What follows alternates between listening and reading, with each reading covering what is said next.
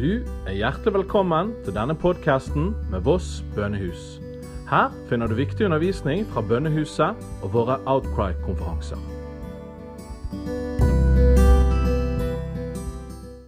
Hei, og velkommen til Voss bønnehus sin podkast. Så kjekt at du lytter på oss. I dag skal vi fortsette serien om å opprettholde og starte bønnehus i Europa. Og Det er så spennende å høre forskjellige perspektiver på hvordan forskjellige folk rundt omkring i Europa driver bønnehus og, og tenker rundt dette. her. Hvordan skal vi holde dette oppe og fortsette å utvikle det? I dag så er vi så heldige å ha med Ole Odland fra Sogn bønnehus. En, en god venn av meg etter hvert, som er mer og mer kjent med. Og Han har òg noen spesielle perspektiver på dette med å drive bønnehus.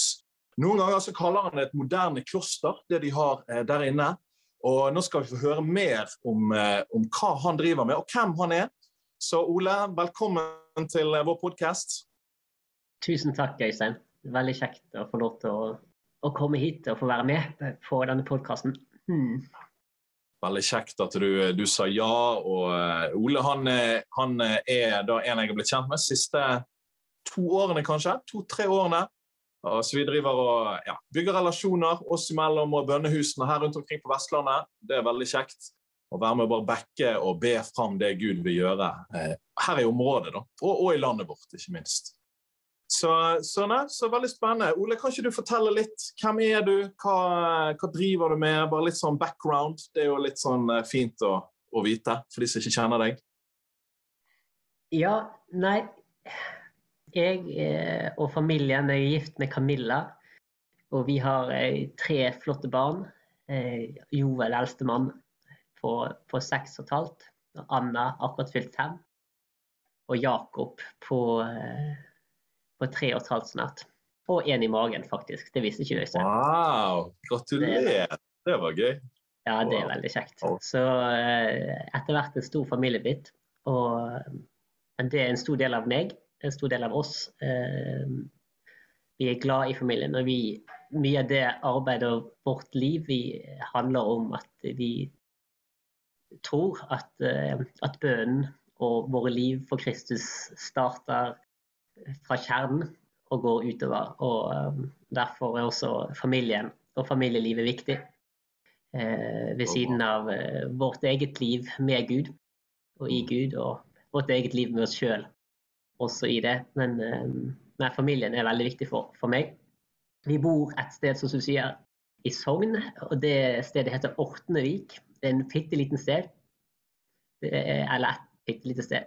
Det var eh, 35 stykker her når vi flyttet hit. Nå er vi bikket godt over 60, og flere blir det. Så, så det er kjekt lov til å være i en liten bygd eh, med generasjonsskifte og vekst og optimisme vi har sagt siden vi kom hit, at der Herren er, der er det fremtid og håp.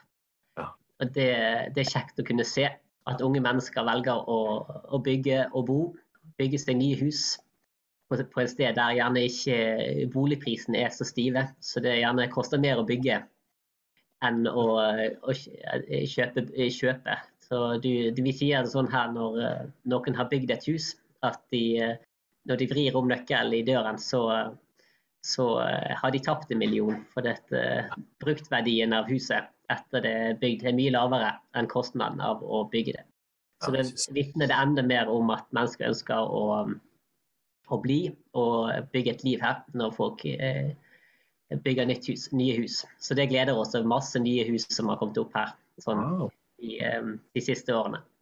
Så, så, spennende, da. Men da er det folk som kommer der, som har, er familie der, eller er det bare er Gud som drar de, tror du, eller hva, hva, er det for noe? Nei, altså du kommer jo an på hvilke briller du har, hvilke øyne du ser det med. Vi ser det med troens øyne, og um, helt klart at, uh, at, det var vår første bønn når vi kom hit. Herre, må du sende flere. Vi kom jo som en barnefamilie med to barn den gangen, uh, og det var ingen småbarn her da. Mm. Og, uh, så Jo og Lana var de eneste småbarna her. Og nå, nå, tror jeg vi er på 14 småbarn under 6. Oi, oi, oi. Og vi har ikke, ja, vi har ikke stått for alle de.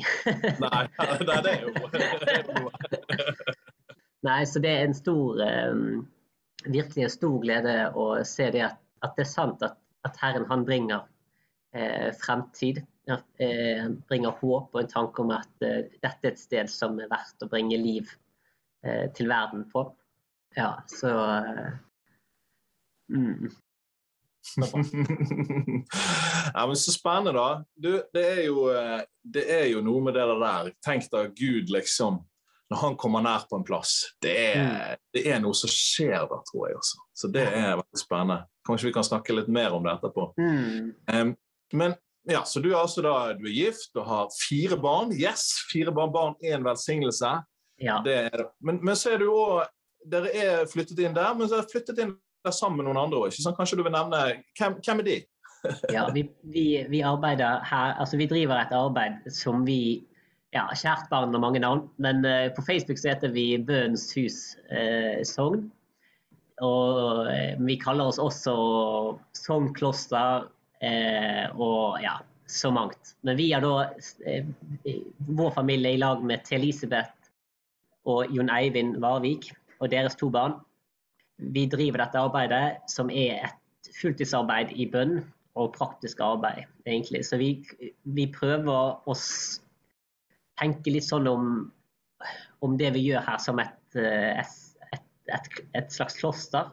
Der vi går i en puls av bønn og arbeid ja, egentlig kan vi snakke mer om hvordan det ser ut. Men, eh, men vi, eh, meg og, og Jon Eivind og til Elisabeth og Camilla, vi har da sånn sett dette livet i lag i, i bønn. Og så familien er med litt, eller barna er med litt sånn, men mest i fellesskapet, da. Mm.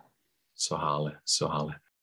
Du, Før vi går liksom mer inn på dette med bønnehuset og hvordan du driver og hvordan du tenker, så var det interessant å høre litt om bakgrunnen. Hvordan kom du og Camilla, da, men spesielt du, da, hvordan kom du inn i dette her livet i, i bønn og lovsang? Og, fortell litt om reisen din. Jeg tror det kunne være litt interessant å høre.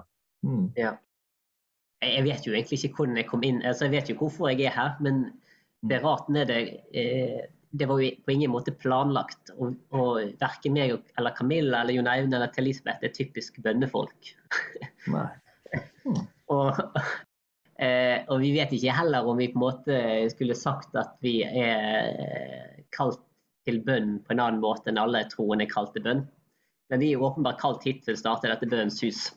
Eh, og, og, det, og, det, gjør vi. Og, eh, og vi ber og så kan det Ja, så men vi Men jeg, eh, jeg er vokst opp i en kristen familie. og tro har vært viktig for meg siden jeg var liten. Og samtidig, når tenåringstiden kom, så var det viktigere for meg å bli likt av alle og være innenfor oss alle, mer enn å, å følge Jesus. Så hvis det ikke passer seg helt å følge Jesus så veldig høylytt, så gjorde jeg ikke det. Og det varte egentlig godt ut i 20-årene. Eh, jeg drev mye med musikk på den tiden. og Noen steder så passet det seg å være troende, andre steder så passet det seg ikke. Mm. Og jeg ble litt sånn stående i den der eh, berømte spagaten av uh, å prøve å passe inn to steder. Og til slutt så Ja, jeg kom Det var vel tilbake i, i 2010.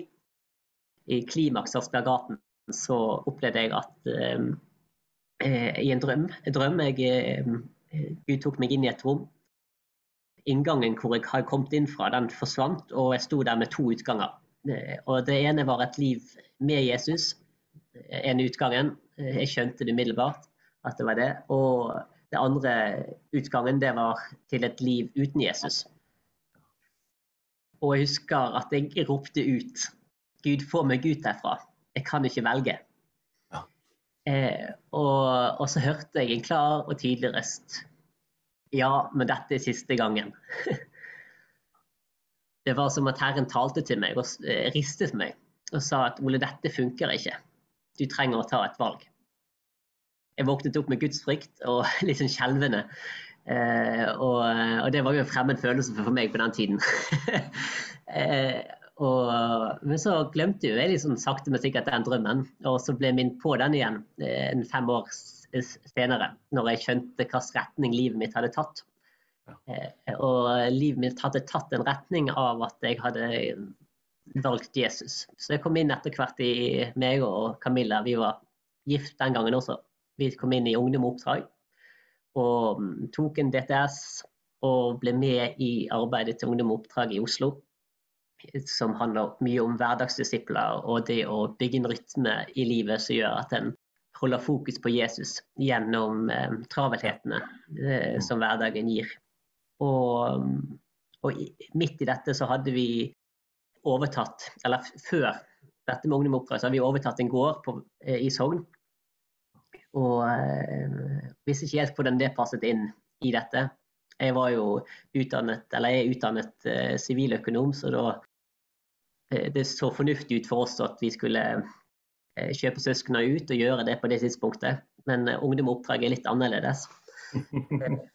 Så vi lurte litt på det, og vi var her for å gjøre noe vedlikehold mens vi arbeidet i Oslo. Og, og da opplevde Gud talte klart og tydelig at dette stedet, altså dette stedet inne i Ortenvik, som skal være et bønns hus. Ehm, og, og, vi brukte vel et år på å kjenne hva det innebar. Eh, jeg opplevde ja, mer og mer at det, at det var et, et kaldt ikke bare for at det skulle være et sted for oss å feriere, men et sted der vi skulle flytte. Og at eh, denne dalen, denne viken, eh, at det skulle forbli et hus hvor Herren dveler. Et sted der Herren har sin bolig. Og så tror vi ikke at Herren ikke har sin bolig andre steder, men vi tror at han, han lengter sådan å lage en liten boble, lite, eh, en, en, liten oase her, der mennesker kan få lov til å se ham klart. Eh, så det, derfor er vi her, til å gjøre dette stedet eh, til et bønns hus. Og, og, derfor er jeg her. Og, men noe sånn klart bønnekall har jeg aldri hatt, mer bare en opplevelse av at vi at her skal vi gjøre, gjøre, gjøre plass for Herren, rydde vei for Herren. Og så tror vi jo at bønnen er vesentlig i det, da. Mm. Ja. Spennende, da. Og det er jo litt spennende. Jeg har hørt andre si det òg, at liksom, nei, jeg er egentlig ikke en sånn bønneperson. Jeg husker jeg snakket med en, en som er leder for et bønnehus, og sa at jeg er egentlig ikke en sånn bønneperson. Det er liksom kona mi som er det. eller sånn. Men, men, men snakk, snakk, litt rundt det, for det er litt interessant. For en del gjør jo det, sant, at dette med bønn og og sånt er liksom ikke for meg, da. Men Snakk, kanskje du kan si litt inn i akkurat det. Hva er det som gjør at du allikevel liksom er dradd mot det, da? Eller, liksom, det er litt spennende mm. å høre, tenker jeg. Først og fremst er det lydighet. Mm. At vi vet at vi vet at Herren har kalt oss til dette. Og så kan vi være veldig usikre på formen. Og ja, hvor, hvor mye ber vi? Sant? Hvordan ser det ut å be? Hvordan ser et liv i bønn ut? Men når jeg sier at vi ikke er eh, sånne typiske bønnefolk, så handler jo det også litt om kanskje hva jeg legger i det, eller også min egen erfaring av hvor lite fokus jeg har når jeg stiller meg inn i en forbudsposisjon for en situasjon, en omstendighet. Og så kan det gå ti minutter, og så er tankene mine på et helt annet sted. Ja, jeg skjønner. og jeg, erkjenner kjenner at det, Og jeg kjenner at hjelp Herre, dette du satt meg til. Det er en ydmykende situasjon. Den erkjenning av at OK, dette her dette koster alt jeg har. Og dette er kjedelig til tider. Og Samtidig så er det her han har satt meg, og det gir meg en utrolig stor glede å kunne stå i det.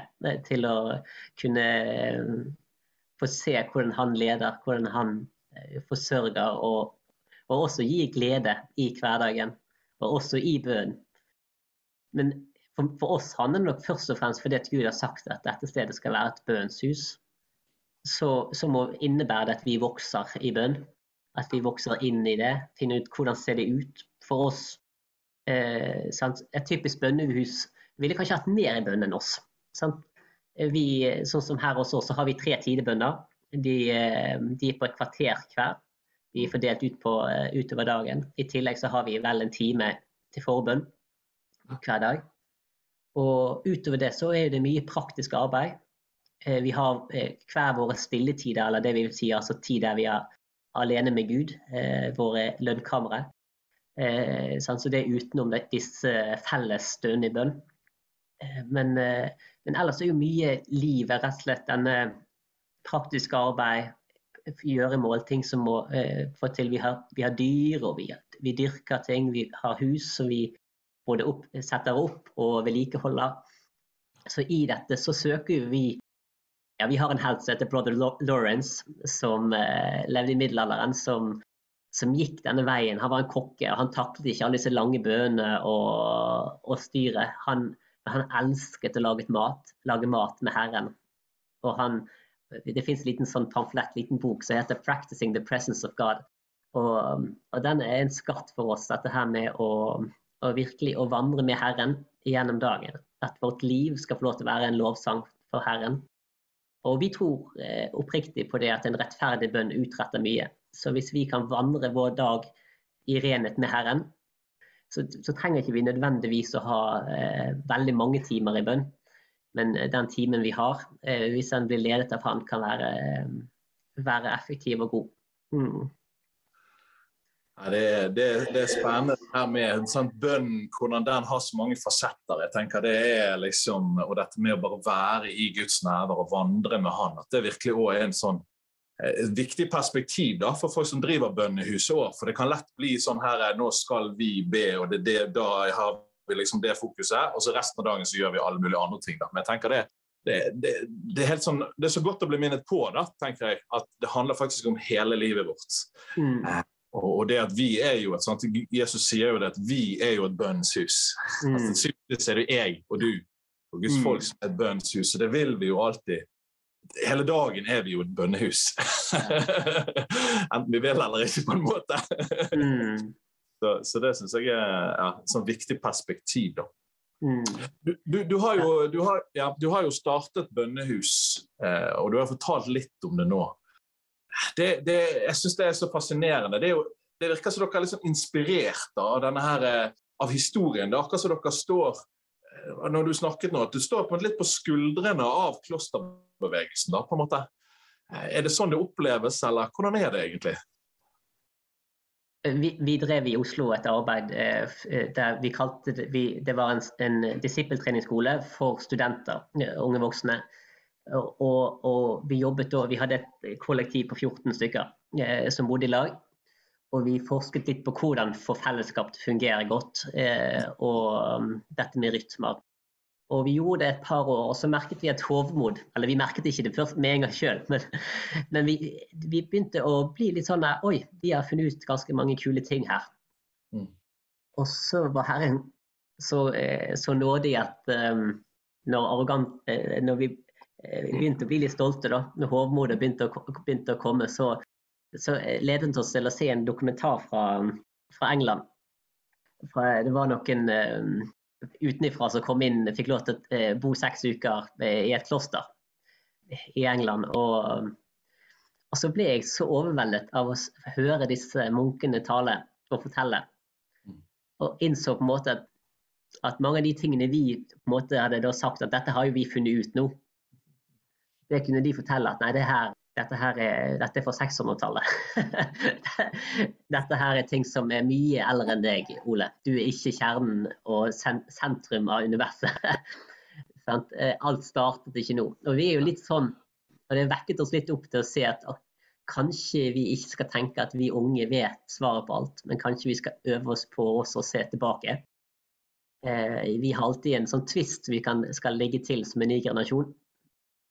Men vi, eh, så det vekket opp en interesse og nysgjerrighet egentlig i oss. Hva er dette? Hva tradisjoner fins? Hva sannheter er allerede staket ut for oss som vi kan trå inn i? Eh, og eh, ja, hedre din far og din mor, og du skal leve lenge i landet. Det har vi i de ti bud. Og ja, som Paulus sier, det er det ene vi er løftet til. Og det er vel Peter som sier det. Men og det tror vi egentlig er sant om dette også. Disse fedrene i troa at når vi, når vi hedrer de, det betyr ikke å kopiere. Det er ingen foreldre som vil ha det, men det betyr det at vi ikke forkaster skattene som er, som er grad fram. At vi tar vare på dem, at vi foredler dem, at vi gjør det til noe bedre.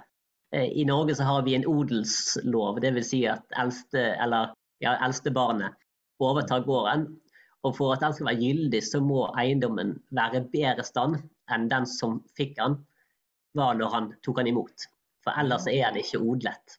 Mm. Eh, og, og, det, så det er en, et prinsipp i at du skal alltid skal, det skal foredles, det skal bli til bedre til neste generasjon. Og det er og jeg tror det er veldig sant også i forhold til det som våre åndelige forfedre har bygd. At, at, vi skal ta imot det som en gave, og så skal vi bygge vår vei videre på det.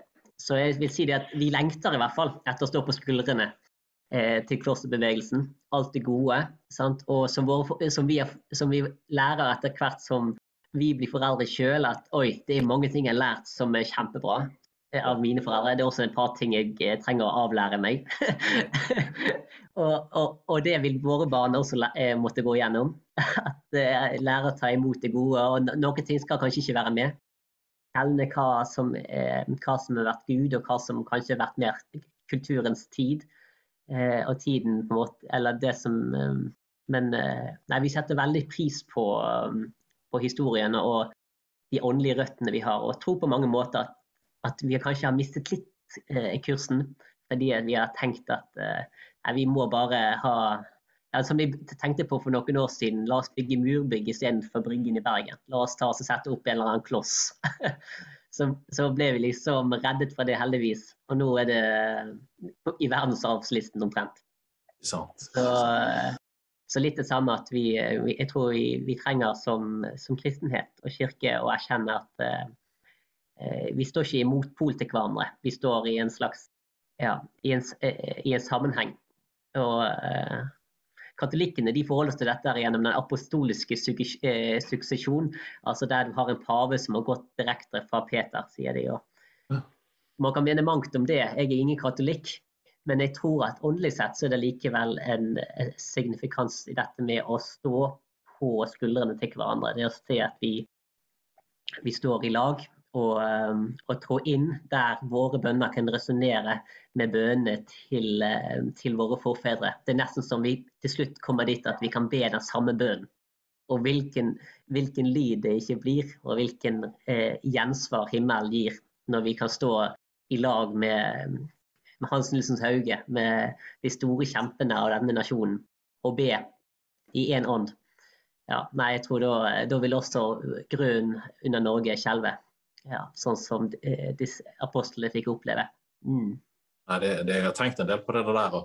at liksom vi står jo, altså Mennesker dør, men bønnene våre de dør ikke på samme måte. da, og på en måte hvordan Innenfor Guds trone sånn, så blir bønnene lagt i sånne gullskåler. Så, så, når vi, så når vi taler og proklamerer, så gjør vi det òg sammen med alle de hellige. Det står jo 'alle de hellige'. Mm. det er ganske mind-blowing. Det må jo mm. det bør jo bety de som enda altså de som, de, som, de som, levde, men som ikke lever ennå, vil jeg tro. da.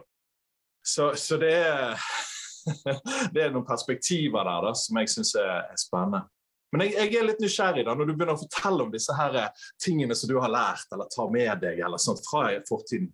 Kanskje du kan si noen ting, noen sånn konkrete ting. Hva, hva er det dere liksom tar med dere? Hva syns du er, er, gode ting da, eh, fra denne arven som dere, dere liksom bærer med dere inn i arbeidet? Jeg tror det første er nok det at vi, at vi leter etter skatter. At vi, vi tror at det fins skatter nedgravd.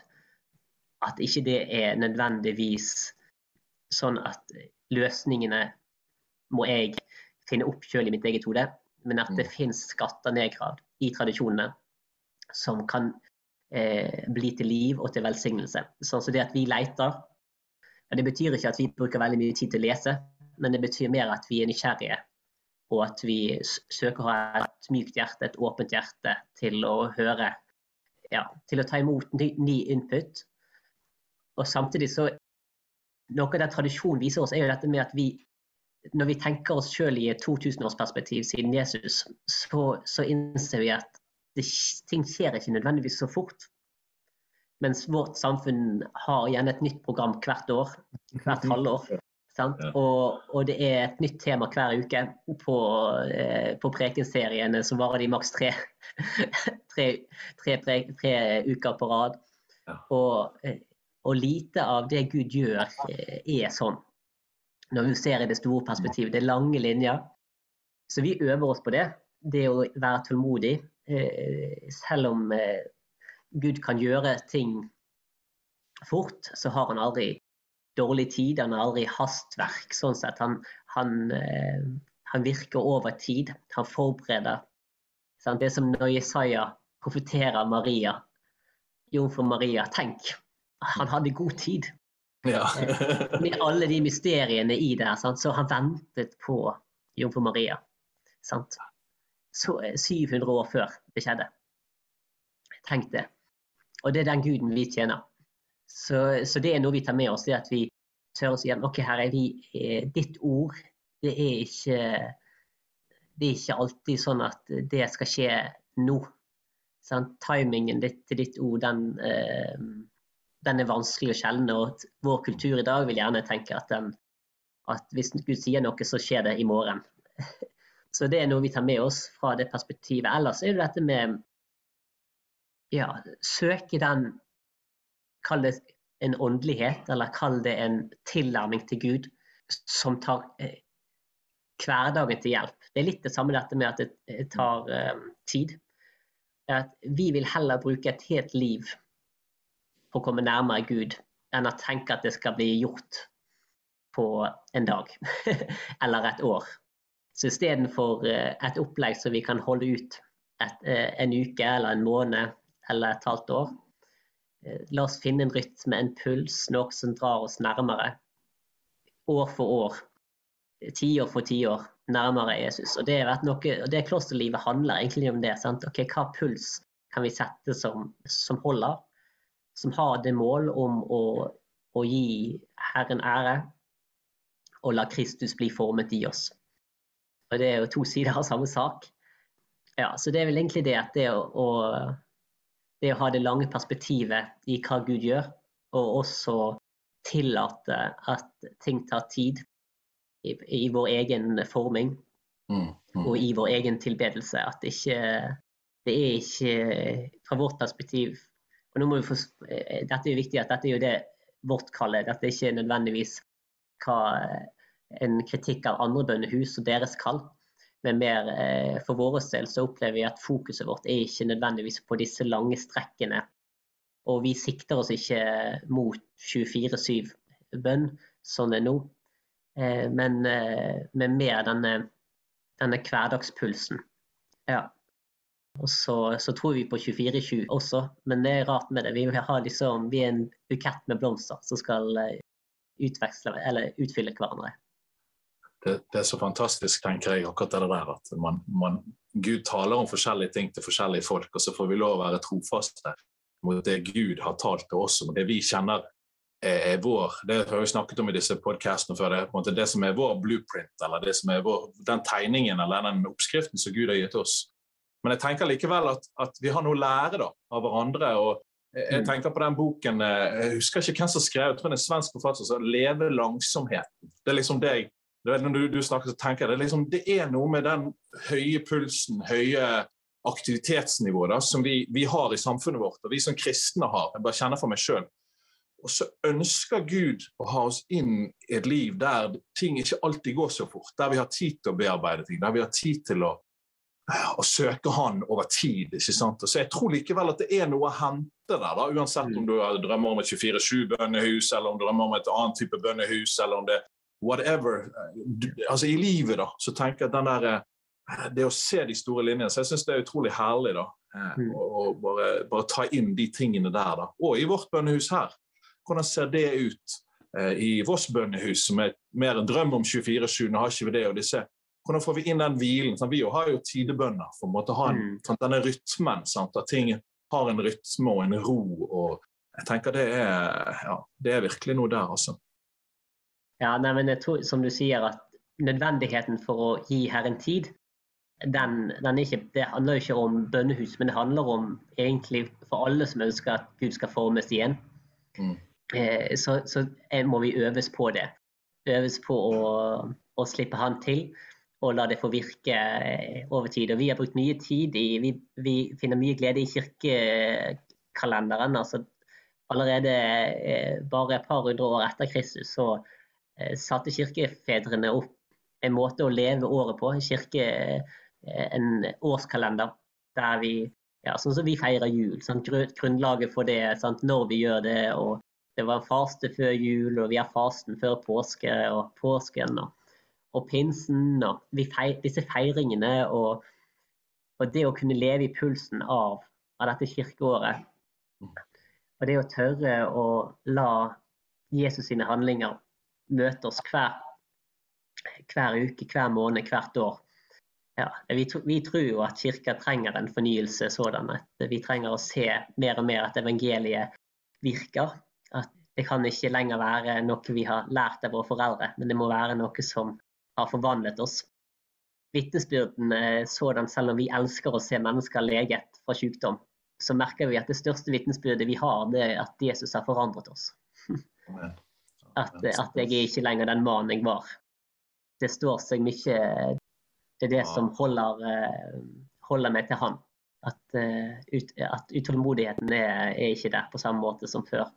Sant? Og sånne ting. Og, og, det er det vi trenger. Vi trenger at evangeliet virker. Mm. Ja, det er så sant. Det er så spennende å høre. Jeg jeg kjenner jo en del folk sant, som har eh, holder på å starte bønnehus eller har begynt å drive bønnehus. Eh, litt sånn i det små.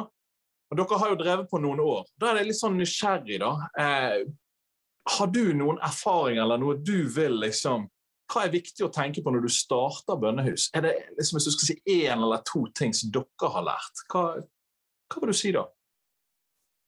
Altså, vi startet i 2017, så vi er fremdeles ganske nye. Det vil si at vi er vel snart fem år ut i det. Jeg tror for oss så har jo det vært en viktig prosess det å, å starte et sted. Og bare hoppe ut i det og si at OK, dette her gjør vi. Nå starter vi. Mm. Og, og, så deretter å i lag som fellesskap og gå, de, gå grundige prosesser på OK, hva, hvordan ser dette ut? Hvordan skal eh, arbeidet vårt se ut? Hvordan skal livet vårt se ut? Så for oss så har det vært viktig det å bygge et nært fellesskap til de vi arbeider med. Og det er klart For oss som lever et sted, og det er fulltidsarbeid, så, så blir det kanskje enda mer viktig. For det er alt vi er og har, på en måte, er fellesskapet. Og her er ikke det kirke- og menighetslivet også heller. Men jeg vil si det at det å bare komme i gang og starte, og heller ikke nødvendigvis skrive ting sånn i stein at man aldri kan forandre på ting. Men når man er åpen for at, eh, at det som var rett i en tid, ikke er rett for en annen tid. Og holde blikket høyere enn alle, alle disse tingene som man har sagt at man skal gjøre. Mm. Så for oss har det vært viktig det at vi kommer sammen, at det er lov å si liksom, ah, jeg vet ikke, disse tidebønnene, det er utrolig trøtt, utrolig slitsomt. At det er rom for det. Selv om det kan være veldig liksom, provoserende å høre, kanskje. Avhengig av hvor man står. sant? Men det at man kan ha de samtalene, at man kan brynes på hverandre. At, at, det er rom for å dele, rett og slett. Og så finner man ut av ting. Sant? At uh, det som vi trodde var et hellig tidspunkt, det var ikke et hellig tidspunkt lenger. at det som uh, vi tenkte Nei, vi må, det må jo se sånn ut. Nei, det må jo ikke det. Sant? Og, og det, ikke, ikke, det, er så mange ting vi har forandret på. Sant? Og eh, hadde vi vært litt klokere til å begynne med, så hadde de prosessene gått mye lettere. tror jeg. Hvis vi hadde erkjent at uh, vår eksistens ikke baseres på hvorvidt vi gjør det eller det, men at vi tør å se at nei, herre, du vil lede oss, og at vi kan heller um, ja, Kanskje jeg kan si det på en ny måte. Vår Herre han sier at uh, vi må putte ny vin skal i nye vinsekker. Mm. Uh, når vår Herre gjør noe, så får vi vinen. Mens vi vil gjerne starte med vinsekken. Ja. Mm. Så vi starter et arbeid. Vi bygger vinsekken, formene, og så kom og fyll Den hellige ånd. Og det funker sjelden.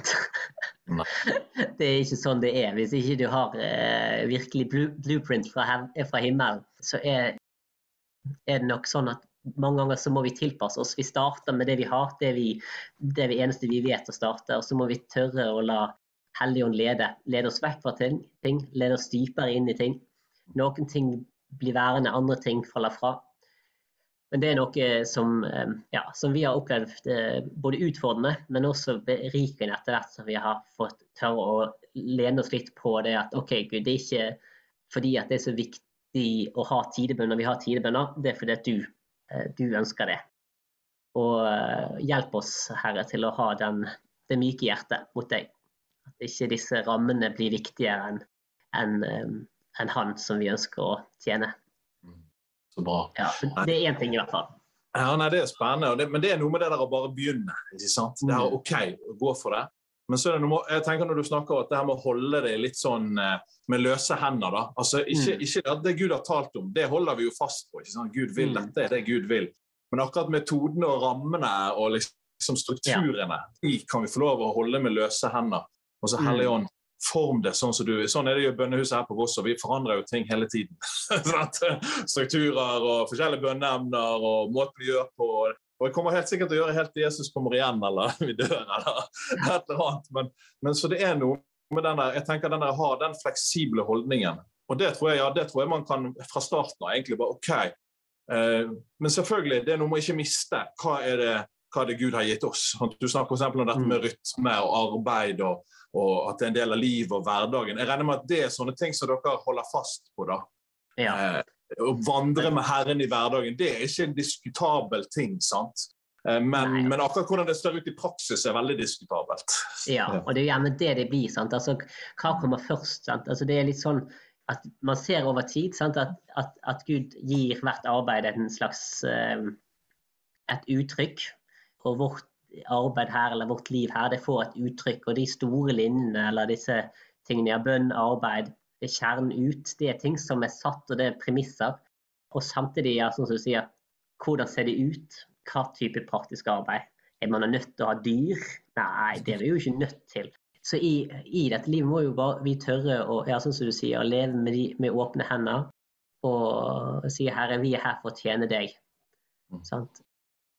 Ja, så, så det er i hvert fall noe som, eh, som vi har sett i økende grad, og vi kan fremdeles bli bedre på. Det å ikke skulle søke å få kontroll med å sette rammer prematurt. Eh, og også typisk så ser vi det når vi eh, går inn i nye ting, eller der vi lurer på å gjøre nye ting, så kan vi fort planlegge litt for mye. Og istedenfor å avvente og planlegge før vi er nødt å planlegge. Det er lett for at vi bruker mye energi på å prate på hva som kommer til å skje. Ja. Når eh, nåden for å planlegge og vurdere det er mye bedre eh, når det faktisk skjer. Så jeg vil også anbefalt dropp alle de lange planleggingsmøtene. Bare start og be. Så vil, eh, når det faktisk er behov for å planlegge det, så, så, så, så vil det oppleves veldig tydelig. Men ellers kan det fort bli bare en fristelse til å um, utsette det viktigste. Til å bare, det er alltid behagelig å prate om det, litt mindre behagelig å faktisk gjøre det. Ja. Amen. Så det er bønnens folk er handlingens folk. Det er Ja. litt kult. Det er, Ja, det. klart. det er det faktisk. Ja, nei, men det er klart, du, kommer, jo- du vil jo aldri be hvis du bare sitter og prater om at å, det er så viktig å be. Det er så viktig å be. Utrolig bra. Det, det var veldig bra poeng. Vi tar med videre. altså. Oi, oi, oi. Ja, det var så bra. Er det andre ting? Er det et, har du noen andre ting du eh, har på hjertet i forhold til det til folk?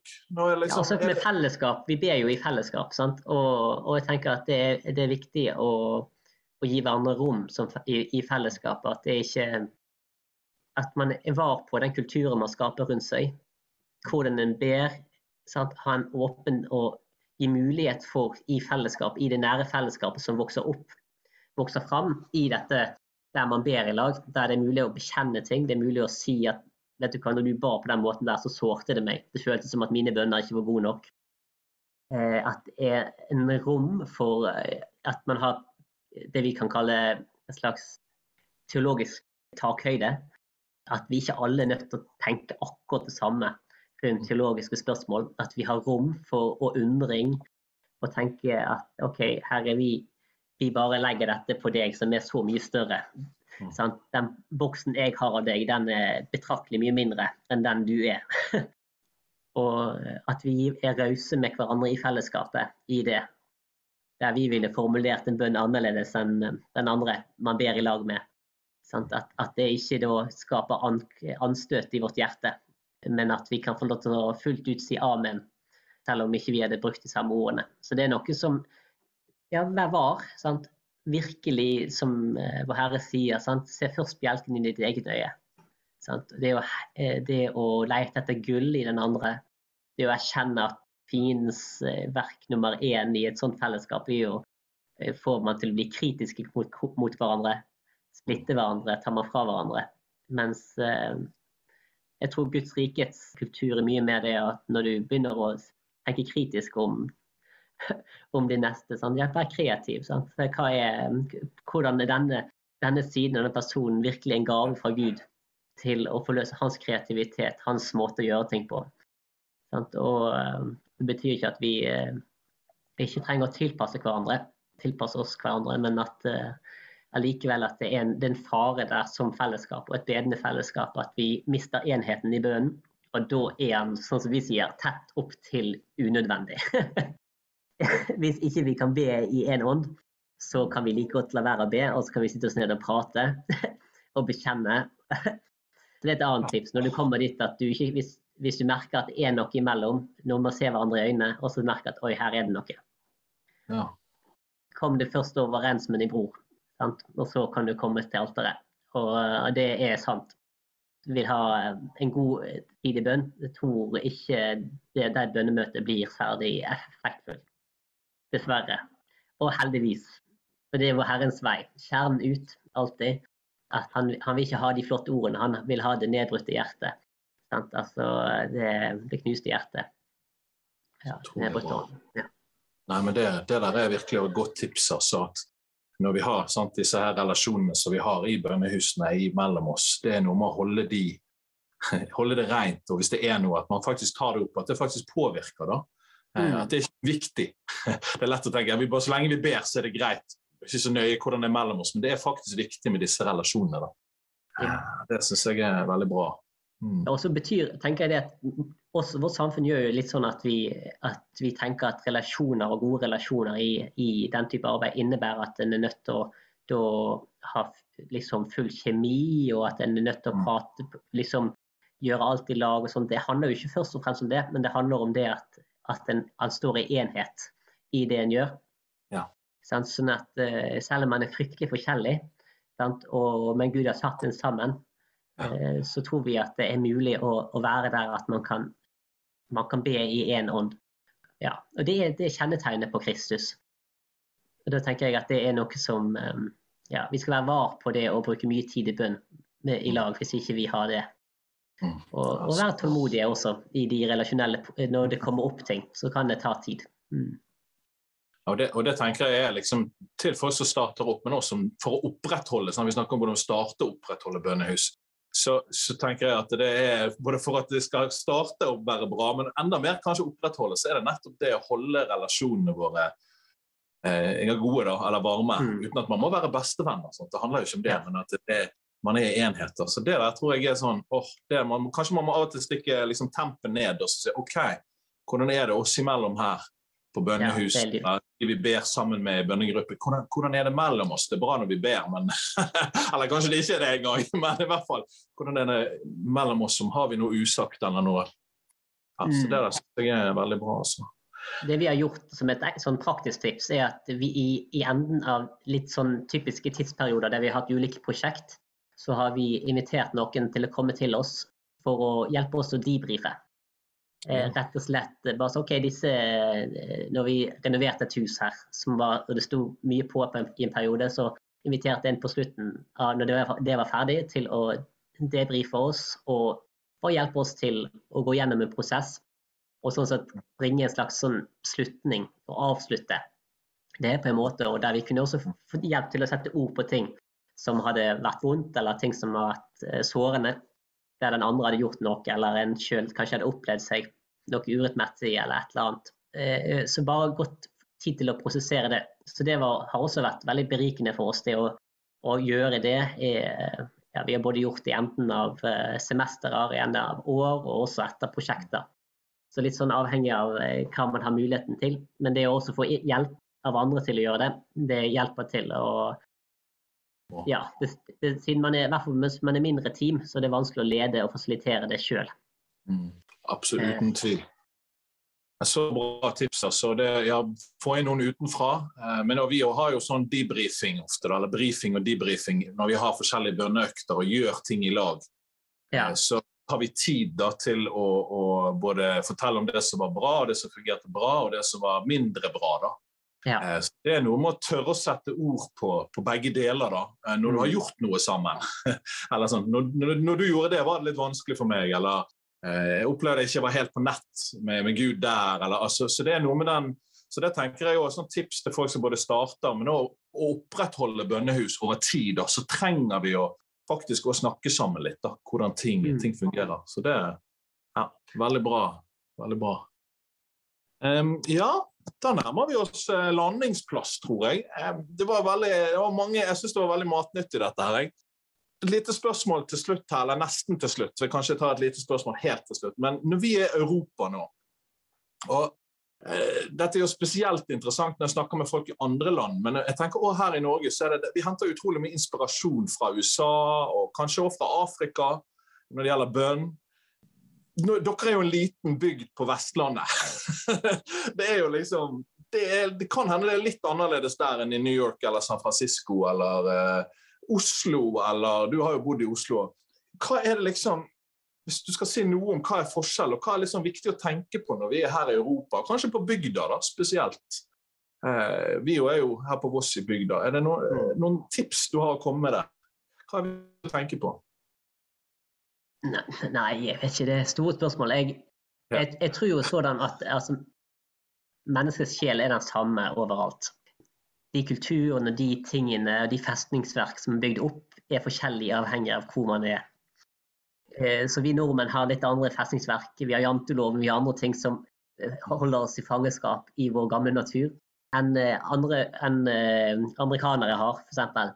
Og, og, det innebærer i en disippelgjøringsprosess at det kan se annerledes ut. Ulike fokus eh, må adresseres, ulike utfordringer. At vi eh, som nordmenn trenger frihet for områder som eh, eh, andre nasjoner kanskje ikke trenger, for jeg har ikke, har ikke den samme ballasten.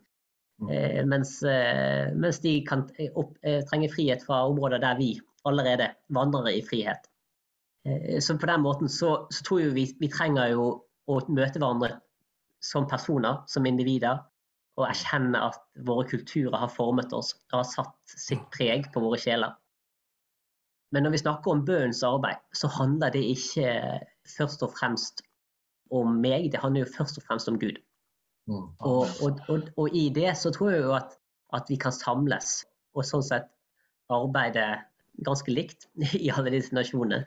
Men vi må jo være var på hverandre. da. Vi må være var til hverandre at vi kommer fra ulike settinger. At vi gir rom, at vi er rause.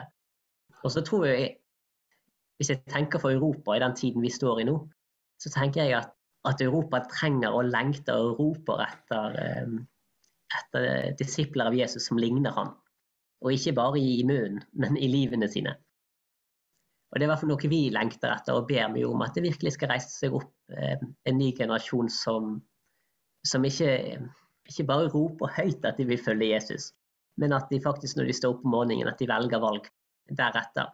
Og at de skal få hjelp til å ja, å trå nye steg i nåde. At, at ikke um, evangeliets frihet skal frem, være fremmed for den nye generasjonen. Men at virkelig at eh, evangeliet skal være gode nyheter, og at det er frihet. At det ikke bare er ting vi synger om, men det er faktisk ting som uh, unge mennesker i dag får erkjenne. At det er frihet fra, fra skam, det er frihet fra avhengigheter, det er frihet fra mismot.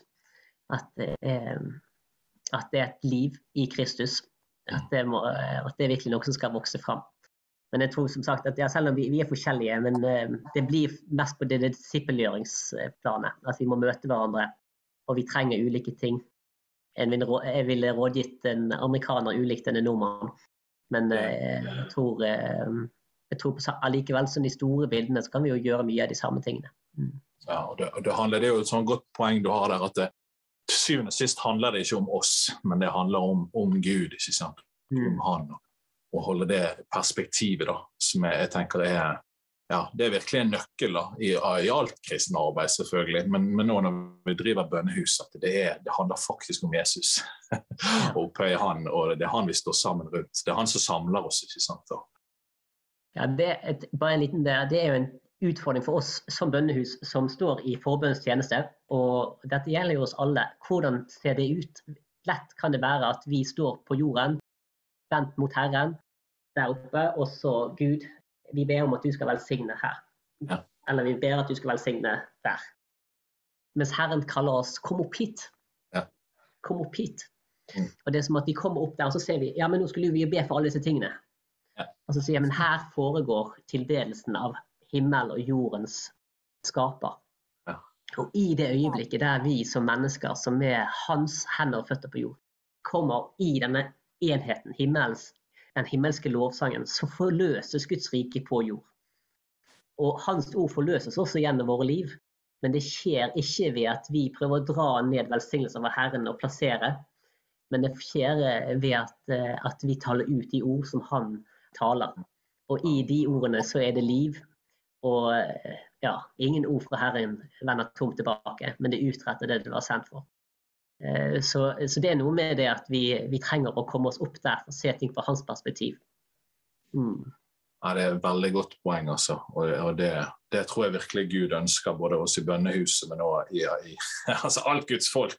At vi mm. skal se ting fra hans perspektiv. Da. For det er så lett når vi ser fra vårt menneskelige perspektiv, så er det liksom, da ser vi problemene og greiene. og bla, men Vi ser ikke nødvendigvis hva som er sant og rett og godt, og hva Gud vil gjøre. Sant? Når vi kommer opp få lov, å, få lov å få se ting fra hans perspektiv, sånn, så er det, er det, helt annerledes ofte. da. Ja. Forhåpentligvis etter hvert så lærer vi litt, da. Men, men vi, så, det er, ja, så det er veldig bra. Du, så bra. Jeg tror, jeg mm. tror vi går inn for landing der. Tusen takk, Ola, for at du tok denne tiden til å, å dele hjertet ditt med oss. og Det er så spennende det som skjer i, i, i Hjortnevik. Kunne ikke du avsluttet med en, med en bønn for, for, oss? Ja, det hadde vært så bra. altså. Mm. Det kan jeg. Kjære himmelske Far. Vi takker deg for den tiden vi nå lever i. Denne spesielle tiden, Herre. At du har tiltrodd, oss nettopp denne generasjonen til, til, å være dine hender og føtter. Til å tale ut dine ord. Vår Herre Jesus Kristus, du som gikk foran, Herre, i i svakhet, Herre. I ydmykhet, i mildhet. Må du lære oss som bønnehus å vandre ydmykt framfor deg. Lær oss, Jesus, å ta vare på våre relasjoner. Lær oss, Jesus, å, å kjempe for de som er svake. Lær oss, Jesus, å vandre i fellesskap med Far. Gode Hellige Ånd, vi takker deg for at du er til stede. Og Hellige Ånd, uten deg kan vi ingenting gjøre. Vi ber, Hellige Ånd, må du nok en gang forløse ditt velde, din ånd, utover våre nasjoner, utover Europa. Hellige Ånd, vi trenger deg. Vi ønsker å gjøre plass til deg. Mm. Herre, vi Hellige Ånd, vi ber nå for bønnehusene rundt om i Europa og i Norge. Vi ber Helligånd, om at du skal fylle hvert hus, hvert fellesskap som ber. At det skal få være et sted der det er rom for deg. Der du lærer oss hvordan å be. Der du, Helligånd, veileder oss, Herre, til å, til å se det Jesus har fortalt oss allerede. Ja, hellige treenige Gud, vi takker deg for at du er sann og virksom, og at helt til vår Herre Jesus Kristus gjenkomst, så vil du forberede en brud. Takk. En ren brud for Kristus. Takk, Gud, for det. Vi takker deg for at vi kan få lov til å glede oss hver dag som fellesskap. Ja, som barn av deg. Amen. Amen. Så bra. Nei, men mm. da, da, går vi inn for landing. Så da, Hvis du har lyst til å høre mer fra Vårs bønnehus, så kan du gå inn på vårsbønnehus.no, eller følge oss på Facebook. Eller så har vi jo denne podkast-siden på Spotify, eller der du hører podkaster. Der ligger det masse forskjellig ute. Så takk for at du lyttet på. Og eh, så snakkes vi snart.